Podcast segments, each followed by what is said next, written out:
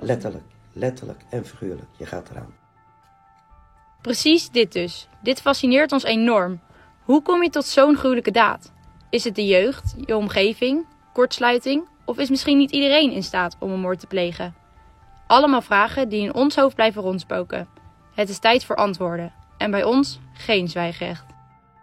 Welkom bij Niets is wat het lijkt. Wij zijn Annika van Onselaar en Isa Letschert. Ik heb eh, voor moord vastgezeten en ik heb eh 12 jaar gekregen en ik heb 8 jaar vastgezeten. Je hoort het, moord, iets gruwelijks. Schuilt achter deze daad dan ook een gruwelijk persoon?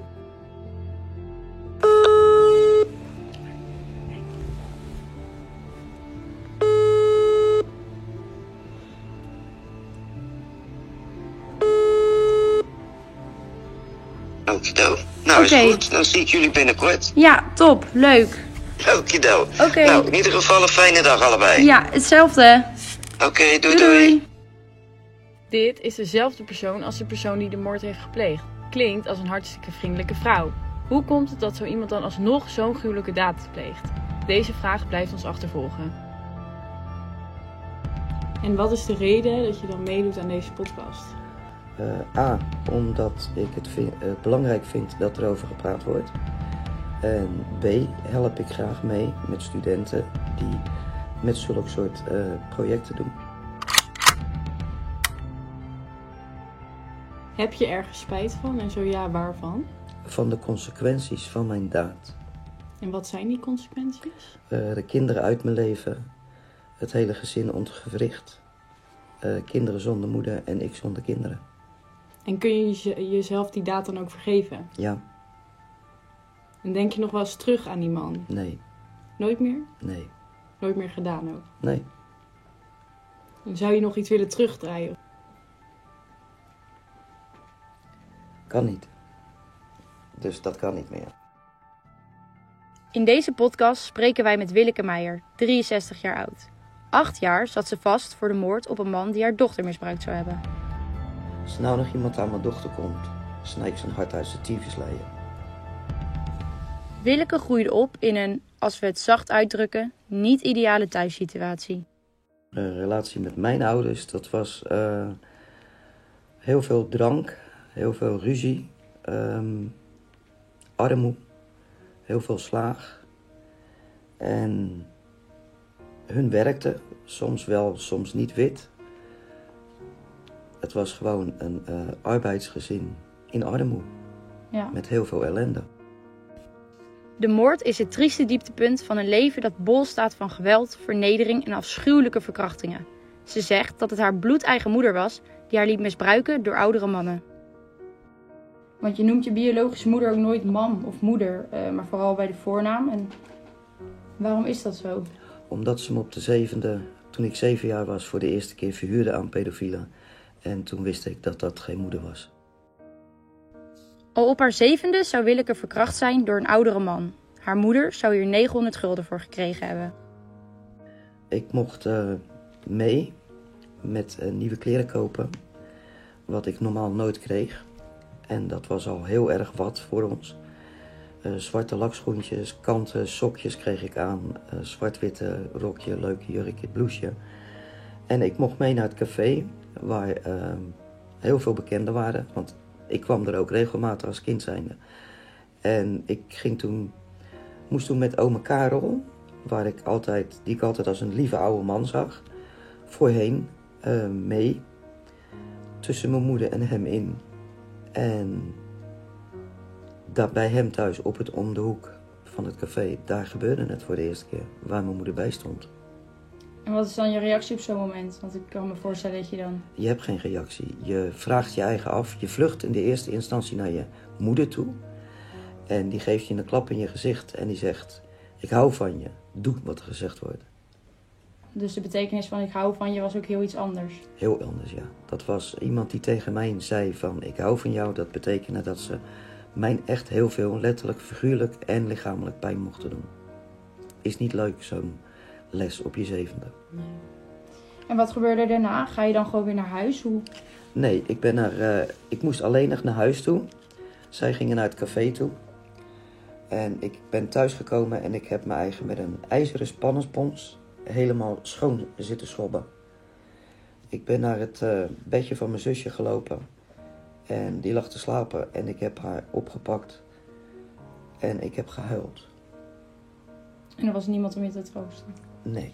Voel je jezelf op zo'n moment schuldig? Denk je dat het je eigen schuld is dat dat gebeurt? Je voelt eh, je eigen smerig. Deze traumatiserende gebeurtenis heeft een enorme impact gehad op het verdere leven van Willeke. En ehm, doet het nog wat met je als je zoiets vertelt? Of heb je het ondertussen zo vaak verteld dat dat gevoel er bijna van... Nee. Het doet, heel, het doet degelijk wat met je. Ja. En waarom? Omdat het. ehm, het is er. Het is een litteken. Het litteken is dicht. Maar er zijn nog wel steeds triggers in je lijf, in je leven. Zodat je teruggeworpen wordt naar die momenten. En die pijn voel ik nog steeds. Ja. Ja. Het bleef niet bij één keer. De trieste waarheid is dat het voor Beb, de moeder van Willeke, een makkelijk verdienmodel was. Wisten mensen hier ook vanaf? Ik weet het niet. Ik dacht dat iedereen dat had, wat ik had. Dat alle kinderen zo behandeld werden, zoals ik behandeld werd. Ja, dus er waren niet achteraf mensen, eh, een broertje, een zusje die iets meekreeg, Nee, een vader die iets meekreeg. nee, nee, mijn vader, ik weet wel van mijn vader dat hij, eh, als zij riep op een gegeven moment, eh rode kankoer, je gaat vanmiddag met mij mee. En dan was ik 7, 8 jaar, 9 jaar. En dan zei mijn vader soms tegen me, ga jij het vlees uit de vriezer pakken, want mijn vader was slager. En dat bezorgde hij thuis aan mensen. En dan moest ik alles in zijn eh, tassen doen van zijn zundap. En dan zei hij, je gaat met mij mee. En dan zei ik, maar ze zei dat ik met, nee, je gaat met mij mee. Nu, achteraf, weet je dat hij mijn eh, enkele keren heb kunnen redden van Ja. een, een, een misbruik. En waarom hebben ze het dan niet kunnen tegenhouden als hij misschien toch iets van wist? Daar had hij de kracht niet voor, denk ik. Wat doet dat met je als jong meisje? Eh, de eerste keer dat het gebeurde, heb ik mijn eigen kind, kind zijn, opgeborgen. Want ik was geen kind meer. Ik Ja. was een volwassen vrouw op mijn zevende. Willeke voelde zich machteloos. Het moest, hoe dan ook, stoppen. Ik heb op mijn achtste heb ik geprobeerd zelfmoord te plegen. En dat lukte niet. Eh, ik ben met 8,5 ongeveer naar het politiebureau gegaan. Toen had ik een SM-sessie gehad met vijf of zes mensen in het donker. En toen heb ik gezegd, me eigen uitgekleed. Ik heb gezegd, kijk wat hier allemaal gebeurt, wat mijn moeder doet met me. Er werd een jas over me heen gegooid door een politieagent. En vervolgens twee dagen, ik werd naar huis gebracht. En twee dagen later lag deze agent bovenop mij. En dat was voor mij ehm, een teken dat ik het aan niemand hoefde te vertellen, want iedereen deed het met je. Zelfs de politie die er Ja. is om te beschermen. Ja. Dus die heb je ook nooit meer in vertrouwen kunnen nemen? Nee, nooit Nee. meer, nog steeds niet. Heb je het gevoel dat er iemand was die van je hield en om je gaf? Ikzelf. En ik hield van mijn broertjes en zusjes, die ik verzorgde, als een moeder. Ja, want dat deed je moeder niet zelf. Die Nee. zat in het café. Ook op latere leeftijd bleef haar weinig ellende bespaard. Zoveel narigheid in één mensleven dat het bijna niet meer te bevatten is. Gebeurt dit echt? Kan dit niet alleen in films? Wij kunnen er ons niks bij voorstellen. Willeke stapt als minderjarige puber al in het huwelijksbootje, weg van haar gewelddadige moeder. Ze bevalt van haar eerste dochter. Helaas blijkt deze man een enorme donkere kant te hebben. Nou, op een gegeven moment eh, kom je erachter dat het eh, bij je dochter ook is gebeurd. En ja, hoe vertelde je dochter dat het was gebeurd, zeg maar? Eh, de eerste keer, dat was door haar biologische vader. Dat was toen ze het eerste weekend met hem mee mocht, moest van de rechter. Eh, toen heeft hij haar misbruikt. S'avonds met dat ik haar, waar ik woonde op dat moment, eh, wilde wassen en aankleden voor naar bed toe te gaan. En toen zei ze, mocht ik een onderbroekje niet uitdoen, want papa had haar pijn gedaan met haar piep, met zijn piep. En toen heb ik een deken om de heen gegooid en ik heb, eh, ben met degene die, waarbij ik inwoonde, ben ik naar het ziekenhuis toe gegaan. En daar werd geconstateerd dat ze geen maagd meer was. Ook bij haar dochter bleef het helaas niet bij één keer. Willeke had ondertussen een nieuwe vriend. Haar leven en dat van haar dochter lijkt voor korte tijd vrediger te worden. Helaas had ook deze man, vooral als hij weer eens ladderzat was, foute bedoelingen. Willeke wordt vaak ernstig mishandeld. Daar blijft het niet bij. Haar dochter wordt voor een tweede keer door een andere man verkracht. De tweede keer was op de boot. Uh, ik had een boot toen, die lag op de Kralingse Plas. En uh, na verschrikkelijke ruzies moest ik Chinees gaan halen aan de andere kant van het water. Ik ben toen naar bevriende kennissen gelopen en ik heb gezegd wat ik moest doen. En toen zei die jongen, ik ga wel even op de brommen. Dat is sneller. Ik ben daar bij die moeder thuis gebleven op die boot. En op een gegeven moment toen die jongen terugkwam en ik met het eten terug wilde gaan, toen zei mijn oudste dochter, ik ga niet meer terug, want dan verkracht hij me weer. En dat was de tweede keer dat ze dat zei. Vervolgens zijn we naar de politie toe gegaan. De politie is naar de boot toe gegaan. Die had, het, die had hij toen meegenomen met mijn jongste dochter. Midden op het water, daar is hij gearresteerd. En toen heeft hij vastgezeten? Toen heeft hij vastgezeten. Maar de eerste keer heeft hij, heeft mijn, uh, de biologische vader heeft drieënhalve maand gekregen. Hij moest zich iedere dag, iedere week melden bij de RIAG, psychiatrische inrichting. Uh, de tweede die mijn dochter verkrachtte, die heeft drie maanden gekregen. En één keer per maand melden bij het RIAG. Dat is vrij kort. Ja, als ik dat, dat, zo, zijn uh... geen straffen. Nee, dat voelt zeker ook voor Nee, want toen de tweede vrij was, toen heeft hij voor het raam buiten gestaan. En toen heeft hij met zijn uh, hand de beweging gemaakt dat ik en mijn dochter er allebei aan gingen. Dus ook nog dreigingen? Ja, heel veel dreigingen. En drie weken later werd ik geroepen. Uh, de school was iets eerder uitgegaan. Ik was onderweg. En de kinderen kwamen me tegemoet lopen, andere kinderen van de klas.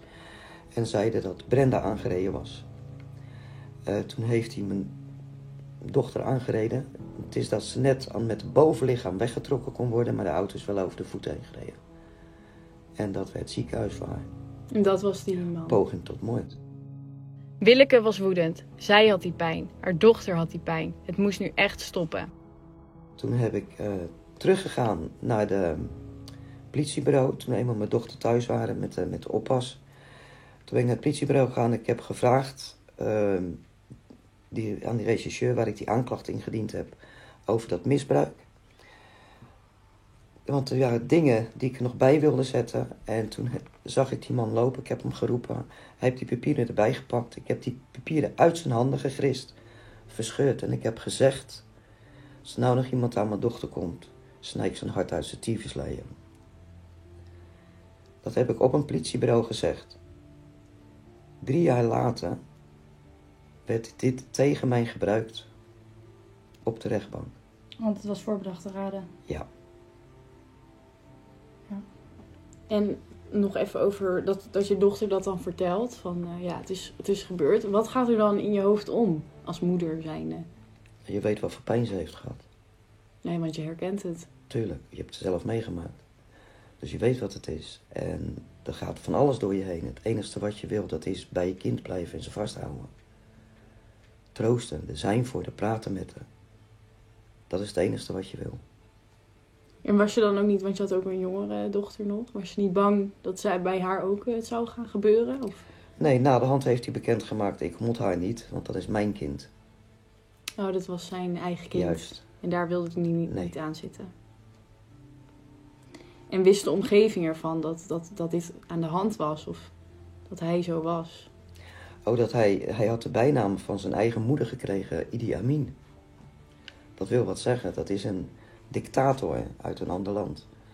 En die man die mishandelde en die deed verschrikkelijke dingen op een sadistische manier. Dus als je dat al van je moeder te horen krijgt, dat je die bijnaam hebt, dan weet iedereen er vanaf. Ondanks alle ellende is het de verschrikkelijke angst die ervoor zorgde dat Willeke 9,5 jaar samen is geweest met deze man. Hierna keerde de rust terug en leek het eventjes goed te gaan. Willeke werd verliefd op iemand waar ze uiteindelijk ook mee trouwt. Voor het eerst iemand zonder losse handen. En daarna uh, ontmoette je dus een nieuwe man. En je dacht van dit is echt, hij is lief voor me, ik ben verliefd op hem. Ja, dat was die jongen die s'avonds die Chinees voor mij ging halen. Dus die kon ik al een hele poos. was een jonge jongen. Hij was jonger dan ik. Iets jonger, niet, niet heel veel. Ehm, het was eigenlijk een groot kind. Dus niet iemand die tegen mij zei: Je moet dit, je moet zus, je moet dat, je moet dat. Die mijn leven leiden. Maar ik moest mijn leven leiden en het dat van hem en van mijn kinderen. Dus dat totaal zo. ander. Nee, helemaal niet. Het was wel een dief eerste klas. Hij stal eh, scholen, alles, overal brak hij in. Dat wist ik op dat moment allemaal niet. Daar kwam ik na de hand pas achter als de politie aan mijn deur kwam. Maar ook aan deze vredige periode kwam abrupt een eind wanneer Willeke een vriend van haar nieuwe man ontmoet. Haar dochter wordt voor de derde keer door weer een andere man verkracht. Eh, nadat eh, Brenda twee keer verkracht is geweest, was Brenda haast niet meer alleenig. Er kwam op een gegeven moment, eh, ze was altijd met vriendin, of met de pleegzusjes of pleegbroertjes. En zeker alleenig thuis, dat deed ze haast nooit. Eh, toen ze twaalf was, toen moest ik naar de winkel toe. En toen zei ze tegen me, mijn jongste dochter was toen weg. Eh, toen zei ze tegen me, ik kan wel alleen thuis blijven. Ik zeg, weet je het zeker? Ja, dat kan ik. Ik zeg, oké, voor niemand open doen en nogmaals, al dat soort dingen. Wat doet ze? Eh, ik ga weg. Met alle deuren op slot, had ze gedaan. Er wordt geroepen via het balkon in de gemeenschappelijke tuin en ze loopt daar naartoe. En die kinderen, ze doet de deur open. En ze gaat met die kinderen staan praten. Gaat weer terug naar binnen toe en doet de deur niet op slot. Toen werd er aan de voordeur gebeld. Er werd niet op gereageerd. En toen is degene die ik na de hand vermoordde, is via het balkon naar binnen gegaan en heeft mijn dochter op dinsdag verkracht. Het was niet de eerste keer dat dit gebeurde. De vraag die in ons hoofd blijft spoken is waarom ze niet bij de vorige keren, maar juist bij deze wel besluit om zelf actie te ondernemen. De druppel. Op een gegeven moment is de druppel is daar en dan is je emmertje vol. En op dat moment was mijn emmer vol. Er was ook voor mij geen andere uitweg. Nee, en de politie hielp ook niet. Dus Nee, dus waar moet je naartoe? hoe heb je vanaf dat moment geleefd tot aan de moord? Wat gaat er in je hoofd om? Wat, wat voel je? Eh, niks. Vanaf het moment dat mijn dochter dat vertelde, op vrijdagavond, het was op dinsdag gebeurd, en op vrijdagavond vertelde ze me. En dan wordt er een emmer met niks over je heen gegooid. Je denkt niet meer, je doet niet meer, je hoort, maar je neemt niet meer op. Je loopt als een robot overal doorheen. En het enige wat ik kon bedenken van, je gaat eraan. Meer niet. Dat bedoelde Je ook echt zo letterlijk. Letterlijk, letterlijk en figuurlijk. Je gaat eraan. En in het boek lezen we ook dat eh, uw man destijds en een huisvriend hadden een plan bedacht. Wat voor plan was dat? Nou, ik was toen op het moment dat mijn dochter dat vertelde tegen me, eh, ben ik naar binnen toe gegaan, want die man was op dat moment in mijn huis. Toen heb ik alle moed verzameld en ik was zo boos. Heb ik een beet gepakt en uit mijn huis gegooid. Ik ben terug naar binnen gelopen en ik heb tegen mijn man gezegd, hij gaat eraan. Ik ben naar mijn dochter de kamer gegaan, daar heb ik tot 's morgens gezeten. Totdat ze echt huilend in slaap viel en goed sliep. Toen ben ik naar binnen toe gegaan en toen hadden deze twee een heel plan gemaakt hoe ik dat moest gaan doen. Ik zeg eens goed. Wat was dat plan? Ik moest er naartoe, ik moest handschoenen aandoen, ik moest eh, mijn schoenen aanhouden, want die werden weggegooid na de hand. En ik mocht dit niet doen, ik moest zus niet doen. Nou, ik heb alles gedaan wat juist niet mocht. De toenmalige huisvriend van Willeke en haar man had pillen gehaald en deze fijn gestampt. Het plan was dat Willeke hem daarmee zou drogeren, want hij had het aan zijn hart. Op deze fatale dag is Willeke bij hem naar binnen gestapt met de vraag of hij aan haar dochter had gezeten. Hij bekende meteen en zei dat het ook nog wel vaker zou gebeuren, zodat ze er overheen zou groeien. Hij deed het voor als een soort therapie. Willeke was woest. Als ze vervolgens de fijngestapte pillen in zijn geheel door zijn macaroni heen gooit, ziet ze hem langzaam afzwakken, waarna hij naar zijn bed verplaatst. Dood gaat hij er echter niet aan. Willeke is naar de keuken gelopen en heeft daar een mes gepakt. Met dit mes is ze bovenop de man gaan zitten, heeft ze 19 keer op de man ingestoken tot er enkel een levenloos lichaam van hem over was. En als er dan 24 uur tussen zit, dat voelt voor de buitenwereld als best lang, dan zou je kunnen zeggen dat er alle tijd was om een andere beslissing te nemen. Niet als je met zo'n leeg hoofd rondloopt als ik. Nee. Niet meer. Ook niet op zo'n moment als het dan mislukt met de Nee. pillen. Niemand mag mijn kind meer pijn doen. En je moet niet vergeten dat eh, ik op het moment dat we de eerste keer staken, dat ik in mijn moeder stak. En in heel veel andere pedofielen die over me heen gegaan zijn. En als laatste pas in hem, Dus u heeft met heel veel mensen afgerekend. dacht ik, die dag. Want dat zegt je gevoel. Had iemand je tegen kunnen houden? Uit die roes kunnen halen? Weet ik niet. Weet ik echt niet. Kan ik geen antwoord op geven. Nee. Echt niet. En op zo'n moment dat je daar dan zit, dat je zo'n plan uit gaat voeren, eh, denk je dan ook na over de gevolgen? Nee, nooit. Dat doe je niet. Want je zit in een roes. Als ik niet in een roes had gezeten, dan had ik dat misschien allemaal wel gedaan. Dan had ik over de gevolgen nagedacht. Dan had ik erover gedacht van, je gaat iemand vermoorden. Hoe dan? Ja. Maar juist omdat je in zo'n zo'n roes zit, kan je dat niet meer. Je denkt er niet meer bij na. Nee, dat is ook niet uit te leggen als je dat niet hebt. Nee, kan niet. Kan je niet uitleggen. Nee. En op zo'n moment eh, dat je dan aan het steken bent, voel je iets, hoor je iets? Wat, wat gebeurt er in je hoofd? Niks, je bent heel veel mensen aan het doodmaken. Je bent aan het afrekenen. Je bent een, streep onder je verleden aan het zetten. Komt er nog een bepaalde emotie in je op dan?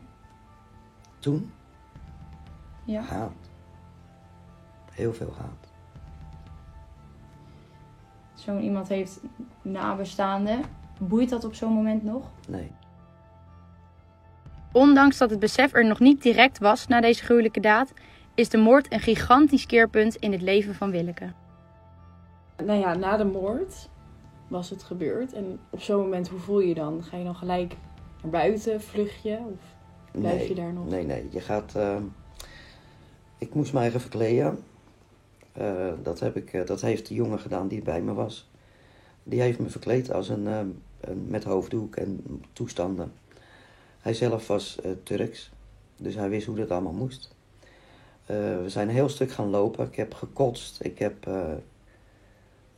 geen smaak meer in mijn mond. Eh, ik kon niks meer. Eh, ik kreeg paniek.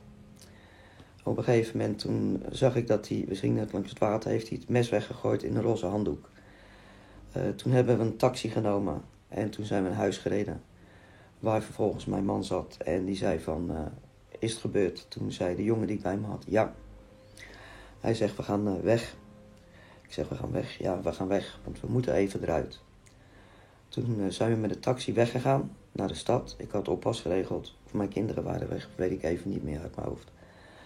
We zijn naar de stad gegaan. Eh, wat ik niet wist was dat mijn man, eh, want we moesten het op een overval laten lijken, dus we moesten spullen meenemen. Had ook het bankpasje meegenomen en toen heeft mijn man nog met het bankpasje geld gepind. En dat wist ik op dat moment, wist ik dat niet. Dat hoorde ik achteraf allemaal. Ehm, je zit nog steeds in, in een roes die aan het uit, uitlopen is, zeg maar. Dus je doet, je loopt, je gaat mee. Hetzelfde als dat ik moest naar de begrafenis. Ik heb daar met zijn vriendin, want hij was toen niet getrouwd. Ik heb met zijn vriendin toen gesproken. En het enige wat zij tegen me zei was... Het is maar goed dat het gegaan is. Ja, want je bent eh, op de begrafenis Ja, van de man ben ik die geweest. je vermo- vermoord Ja. hebt. En hoe, hoe was dat? Want dat lijkt me heel gek dat je daar dan Nee, staat. ik ben naar die, naar die vrouw toe gelopen. Die kon ik. Ik kon zijn vriendin namelijk. En eh, ik ben er naartoe gelopen. En toen ik zij wilde zeggen, gecondoleerd. Toen zei zij, ik ben blij dat het gedaan is. Maar niemand wist dat jij... Nee, En hoe... u- Uiteindelijk ben je gearresteerd. drie weken daarna. Drie weken daarna. Ja. Maar, Maar ze wisten het al veel eerder. Ze hielden me al eh, meer dan een week in de gaten. Er stond een auto voor mijn deur met twee mannen erin. Ik had namelijk de kinderen thuis gehouden van school. Ik had gezegd, jullie hoeven niet meer naar school toe, want ik wist dat ik op een gegeven moment kinderen, toen ik eenmaal wakker was uit mijn roes, de kinderen moest gaan missen, want ik moest de gevangenis in. En ik ben één keer op het politiebureau geweest en heeft dat, heb zitten bedenken zo van, nou zien jullie het aan mij? Eh, kunnen jullie het nou niet zien dat ik iemand vermoord heb? En toen bedacht ik van, mensen liepen langs me heen en toen vroeg er iemand van, kan ik u ergens mee helpen? En toen dacht ik, hoezo helpen? Laat maar. Ben ik naar huis gegaan en ik heb nog genoten van iedere dag van mijn kinderen. Dus u heeft nog wel proberen uzelf aan te geven? Ja, maar niet in de hoop dat ze het zagen aan me, maar ze zagen het niet aan me. En zo'n roes, want u zegt ook van, ehm zit nog steeds in die roes. Wanneer stopt die roes? Meteen na de moord of stopt het echt een week? Nee, dat was echt een, een paar dagen later dat dat in ene keer, toen de regisseurs aan de deur kwamen. Dan schrik je wakker. Dan is het in ene keer, Allemaal echt. dan is het ineens echt. Willeke is na de arrestatie ook in hoger beroep veroordeeld tot moord. Ze krijgt 12 jaar cel. De eerste maanden brengt ze in volledige beperking door, afgezonderd van alles en iedereen. U bent natuurlijk uiteindelijk veroordeeld voor moord. Voelt u zichzelf ook een moordenaar? Nee, Dat is misschien voor de buitenwereld wel lastig om te begrijpen, want die moord is gepleegd. Ehm, kunt u dat uitleggen? ja, ik vind een, eh, ik heb iemand vermoord, maar ik voel en ben geen moordenaar. Zo voelt het voor mij. Een moordenaar vind ik iemand die ehm, s morgens uit zijn bed stapt en denkt van nou, ik ga vanavond even met een AK-47 de, het ware huis in en schiet allemaal mensen dood. Dat vind ik een moordenaar. Eh, er mogen moorden legaal gepleegd worden door soldaten in oorlogen. Zijn dat moordenaars? Ja, dat is een goede vraag. dan. Zijn dat moordenaars? Ja, geef daar maar een antwoord op. Bij mij hetzelfde antwoord. Ik voel me eigenlijk geen moordenaar. In 12 jaar heeft u gekregen. Vond u dat dan ook onterecht? Omdat u in uw gevoel iets heeft rechtgezet en u bent uiteindelijk wel de dader. Terwijl, Ook slachtoffer ben. juist. Ehm, ik had twee rapporten, psychiatrische rapporten. En daar werd ik eh, verminderd toerekeningsvatbaar geve- gezeld. Dat betekent dat je niet volledig toerekeningsvatbaar bent voor hetgeen wat je gedaan hebt. Dat is van de tafel afgeveegd door de rechter. En ik heb gewoon de normale straf gekregen. Of ik dat te veel vond? Ja. Heeft je jeugd er dus mee te maken dat u uiteindelijk die stap heeft gezet om iemand van het leven te beroven? Eh, ik denk dat dat is gaan broeien vanaf dat ik op mijn zevende door mijn moeder verhuurd werd de eerste keer. Ja. Toen is het zaadje geplant. Maakt zo'n jeugd ook de stap dan kleiner, omdat je natuurlijk al heel veel ellende mee hebt gemaakt? Hoeft niet. Als je zo'n jeugd en zo'n leven als ik gehad heb, kan ik me dat heel goed voorstellen. Er zijn ook mensen die zijn misbruikt, die hebben heel veel vernederingen meegemaakt, oorlogen meegemaakt en die doen het niet. Maar niet ieder mens is hetzelfde. Ik heb wel altijd gezegd, iedereen staat met één been in de gevangenis. Want het hoeft maar een klein ding te zijn en het kan iedereen gebeuren. Dus iedereen kan ook een moordenaar zijn. Nee, want het zijn geen moordenaars. Snap je? Als jij met je vriendin of je vriendje staat te spelen en je geeft hem een zet, hij valt met zijn steen of hoofd op een steen en het kind overlijdt, ben jij dan een moordenaar? Ja, dat is weer zo'n Ja, weer zo'n vraag inderdaad. dat, is, dat betekent goed, goed, kwaad, kwaad. Je hebt twee verschillende soorten goed en je hebt twee verschillende soorten kwaad. Heeft u dat vroeger ook zo geleerd van ouders? Wat goed en Ik heb niks, was? nee, ik heb niks. Ik heb alleen maar kwaad van mijn ouders geleerd. Nooit geen goeds. Nee. Rechtvaardigt zo'n afschuwelijke jeugd dan ook een moord? Weet ik niet. Het is wel begrijpelijk. Jarenlang is ze van de ene naar de andere vrouwengevangenis overgeplaatst. Ze vertelt ons veel verhalen over hoe het er daarbinnen aan toe ging. En dat de verhalen over hoe goed de gevangenissen in Nederland zijn, zeker niet overeen zouden komen met hoe zij haar gevangenisperiode ervaren zou hebben. Eh, wat ik daar meegemaakt heb, dat is dat eh, vrouwen daar net zo, net zo goed niet veilig zijn voor bewakend personeel en leidend personeel. Eh, ik, ben ik ben rechtvaardigheidsstrijder of zo. Ik kan niet tegen onrecht. Als ik daar binnen zit, ik heb 12 jaar gekregen, ik zit mijn straf uit. Niemand hoeft mij daar een straf bovenop te geven. En zeker geen personeelsleden. Die kreeg ik wel. En ik vond het onrechtvaardig. En ik ben daarvoor gaan vechten. Ben daarvoor naar rechtbanken toe gegaan. Een kort gedings mee gewonnen. Waarvan ik 17 gewonnen heb. En ik heb er geen spijt van dat ik het gedaan heb. Maar dat heeft wel tot de conclusie gehad dat justitie mij daarbinnen invalide heeft gemaakt. Mijn medicijnen afgepakt heeft. Me over de grond heb laten kruipen als een beest. Omdat ze weigerden mijn rolstoel te douwen. Waar ze me in, uiteindelijk zelf ingezet hebben. Door al mijn medicijnen af te pakken. Ehm, ik heb dat bij me meegemaakt. Dat iemand die twee jaar, een vrouw, die twee jaar lang niet naar buiten is geweest. Een miskraam, nee, een ehm, abortus moest laten plegen van de directie. Omdat ze zwanger was van een personeelslid. Ik heb daar meegemaakt dat uh, mensen, vrouwen, op de fiets lagen. Dat is een bed waar je met je armen en benen wijd ligt in je naki. En als je heel vervelend bent, dan gaat s'nachts het personeel er nog overheen. Ja, dus een fiets heeft in die gevangenis een heel andere... Hele andere betekenis als een gewone fiets. Ja. Dat is gewoon een bed, een volte werktuig. Als je bij Google zoekt, de fiets, volte werktuig, kan je het vinden. Die staat nu nog in alle gevangenissen. Nu, 2021. En dat weet je allemaal ook niet vanaf de buitenwereld. Nee, dat weet je ook niet.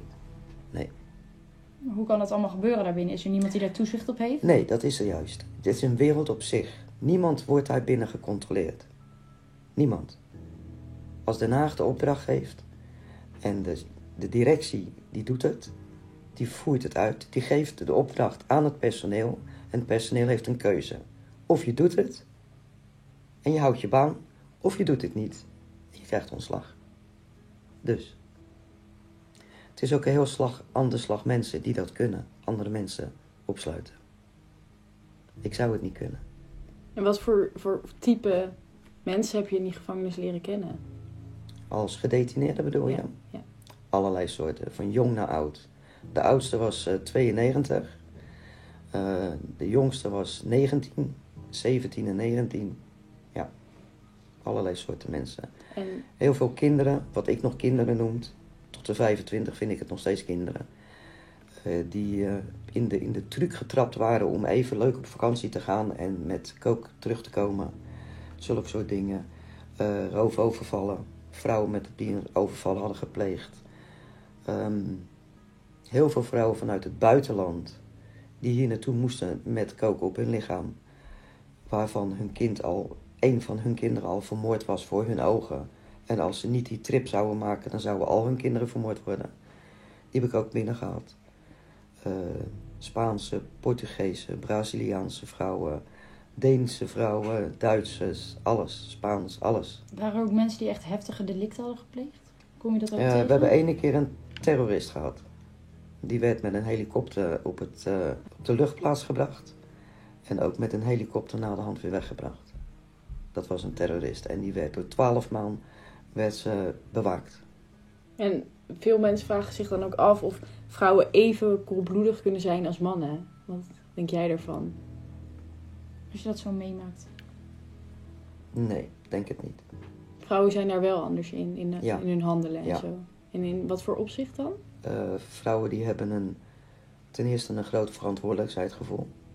Dat sowieso. En die nemen haast nooit impulsieve eh, beslissingen, omdat daar altijd over nagedacht wordt. Snap je? En juist doordat ik dat niet had, op dat moment dat mijn dochter dat vertelde tegen me, zat omdat ik in die roes zat, kon ik dat niet meer. Dus dat is het verschil met toen en nu. Zijn vrouwen dan ook eerlijker daarin? Dat ze eerder, dat lees je natuurlijk ook wel eens, dat vrouwen eerder toegeven hun daden. en Ja, ook ze- altijd, die geven het altijd toe gelijk.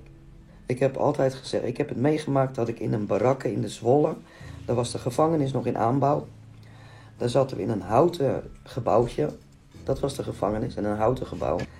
En eh, daar stond een hekje omheen van 40 centimeter. 40 centimeter hoog. Dat was het hek om de gevangenis van de vrouwen. Als je daar overheen stapte, was je buiten. Geen een van die vrouwen heeft een poging gedaan om te ontsnappen. Want waar gaat een moeder naartoe? Als eerste, gelijk naar de kinderen. En wie denk je dat daar staat te wachten? De politie toch? Dus je zit je straf uit. Ik heb het gedaan, ik zit mijn straf uit. Ik heb maar weinig vrouwen meegemaakt die binnen zaten, die veroordeeld waren. Die na de hand zeiden van, ik ben onschuldig. Dat heb ik wel van mannen meegemaakt. die het constant vol bleven houden. Ja, dus die ontkennen veel vaker. Heel veel vaker ontkennen. Vrouwen die zijn daar gewoon eerlijk in. Oké, ik ben gepakt, ik heb het gedaan, klaar, ik zit mijn straf uit. En je zit je straf dan uit, dan heb je je boete aan de maatschappij betaald. Eh, voelt dat ook zo? Nee, dat heb je nooit. Nog steeds niet, tot vandaag aan toe niet. En hoe merk je dat zoiets? Hoe ik het merk? Nou, ik zal je wat mm, ehm, een verhaal vertellen. Ik ben ook een kunstenares. Ik schilder. Ik schilder prachtdingen met hele mooie kleuren en heel veel goud. Achter iedere schilderij daar zit een eigen boodschap. Die heeft ook een eigen gedicht. Ik ga op een gegeven moment de stad in op mijn scootmobiel en ik ga een bak koffie nemen bij de Beren in Almere. Er staat een hele lange tafel. Dat is zo'n soort leestafel, daar kan iedereen gaan zitten. Ik ga daar zitten. Er zitten twee dames aan. Ze herkennen me van de televisie en we raken in gesprek. Die vrouwen die vonden mijn kunst verschrikkelijk mooi. Hadden respect voor me wat ik gedaan had. En ik had eigenlijk een medaille en een bloemen verd- verdiend in plaats van gevangenisstraf. Dat zijn de woorden van deze twee vrouwen. Op een gegeven moment ben ik weggegaan. Ik ga naar buiten toe. Ik neem afscheid van die dames. Ik ga naar buiten. Ik eh, wil mijn sjaal omdoen die ik niet heb. Ik loop terug naar binnen. Die dames die zitten voor me. En de ene dame zegt tegen de andere: Wat een prachtschilderijen maakt die vrouw. Die zou ik graag aan de muur willen hebben. Dan zegt die ander: Ja, dat kan wel. Maar het is wel een moordenaar. Ik hoef dat niet aan mijn muur. Ik ben daar tussenin gaan staan. Die vrouw die mijn schilderijen mooi vonden, heb ik gezegd: levenslange korting van 50% op al mijn schilderijen. Ik heb mij omgedraaid naar de andere vrouw en ik heb gezegd: Al zou je me een miljoen geven voor een schilderij, je mag hem niet eens kopen. En ik ben weggegaan. Wat dat met me deed? Heel veel. Want de mensen die mij kennen, de mensen om mij heen, die mij leren kennen, die kopen schilderijen van me. Mensen die mij niet kennen, die denken inderdaad zo. Het is een moordenaar. Ik ga geen schilderij van haar aan de muur hangen. Heb ik mijn schuld betaald aan de maatschappij, vraag je? Heb ik dat? Nee. Ja. Je wordt nog steeds veroordeeld voor hetgeen wat je gedaan hebt. En dat blijft je levenslang. Want je hebt een moord gepleegd. Dus overal waar je komt, je kan geen lening meer nemen. Je kan geen huis meer kopen. Sommige verzekeringen mag je niet eens nemen. Levenslang. Levenslang. Dus, nee, ik heb niet mijn schuld betaald volgens de maatschappij aan de maatschappij. Door mijn gevangenisstraf van 12 jaar. Sta je nog steeds achter al je daden? Ja, Ehm, had je achteraf ook hetzelfde gedaan als je wist wat de consequenties zouden zijn? Kan ik niet zeggen. Dat is het hem juist. Als ik niet in die roes had gezeten, waren er misschien andere dingen gebeurd. Maar ik zat daar nou eenmaal in, dus ik kan niet daarover oordelen. En veel mensen zeggen ook dat als je eenmaal iemand vermoord hebt, dat het dan een tweede keer makkelijker zou gaan. Ehm, heb je het gevoel dat je nog een keer het heft in eigen handen zou kunnen nemen? Nog een keer in zo'n roes zou kunnen belanden? Nee, En hoe, hoe weet je zoiets zo zeker? Omdat ik de consequentie heb gehad van een ander. Nooit meer die gevangenis in. Ik was namelijk ook vogelvrij verklaard in de gevangenis. Ik stond op de dodenlijst van justitie. Want de laatste kort geding die ik gewonnen had van justitie, moesten ze 19 miljoen betalen aan ex-gedetineerden en gedetineerde mensen. Omdat de feestdagen, de nationale feestdagen, werden niet uitbetaald in de gevangenis. En ik heb vier rechten voor elkaar gekregen dat ze dat met vijf jaar terugwerkende kracht moesten betalen. Dus ze waren zeg maar in de gevangenis niet per se blij dan met u. Nee, ze waren helemaal niet blij. Ik heb ook heel vaak klappen gehad daar binnen, schoppen. Dus er is een soort rangorde. Nee, dat is, dat is het personeel wat het doet. Dus niet de gedetineerde. Het personeel wat het doet. Die slaat en schopt je in elkaar. Die gooit je in de isoleercel. Als je weer een rechtszaak gewonnen hebt. Sloopt je hele cel. Scheurt alles van je kinderen kapot. Dat doet het personeel. Omdat je een rechtszaak gewonnen hebt van ze. Je zou denken, die mensen die werken daar natuurlijk voor, voor rechtvaardigheid. Die werken in een gevangenis. Dat zou, dat zou ik als buitenstaander die er niks van weet, zou je dat denken. Dat is dus totaal niet waar. Je moet niet vergeten dat jij de sleutel in je handen hebt van mensen die daarachter zitten. die helemaal niet meer in de maatschappij mogen zijn van jou. Want zo denken een hele hoop bewakers en PJW'ers. Ze hebben de macht. En dat voelt goed bij heel veel mensen. Dat misbruiken ze dan ook. Ja, vaak wel ja. Dat is wat ik meegemaakt heb. Zo, het blijft een heftig verhaal. Het is voor ons moeilijk te bevatten wat iemand allemaal mee kan maken in één mensenleven. Zoveel gruwelijke mishandelingen, vernederingen en verschrikkelijke verkrachtingen. Die uiteindelijk leiden tot een gruwelijke daad waarbij ze met wel 19 messteken iemand om het leven brengt. Ze beschrijft het zo gedetailleerd dat het bijna voelt alsof je erbij was die nacht. De lijn tussen slachtoffer en dader kan zo dicht bij elkaar liggen. Een ding wat zeker is, is dat die fatale dag ervoor gezorgd heeft dat Willeke is veroordeeld voor moord. Wij willen graag afsluiten met een wijze laatste boodschap van Willeke. Ik hoop alleen echt dat ehm, de luisteraars van deze podcast in ieder geval beseffen en dat het niet een ding is wat ik eh, zomaar even uit mijn mouw gedaan heeft. Zo van, oh laat ik dat eens even gaan doen. Dat er een geschiedenis aan voorgegaan is. En het is geen mooie geschiedenis. Dat kan je ook lezen in mijn boek Mijn Jeugd Vermoord. Ik hoop dat als een moeder of een vader in dezelfde situatie terechtkomt, dat er genoeg mensen om hem heen zijn die ze begeleiden en helpen om datgene niet te doen waardoor ze gescheiden worden van hun kinderen. Want hun kinderen hebben hun hart nodig. Dat ja, ik denk ik. dat dat een mooie boodschap is. Ja, zeker.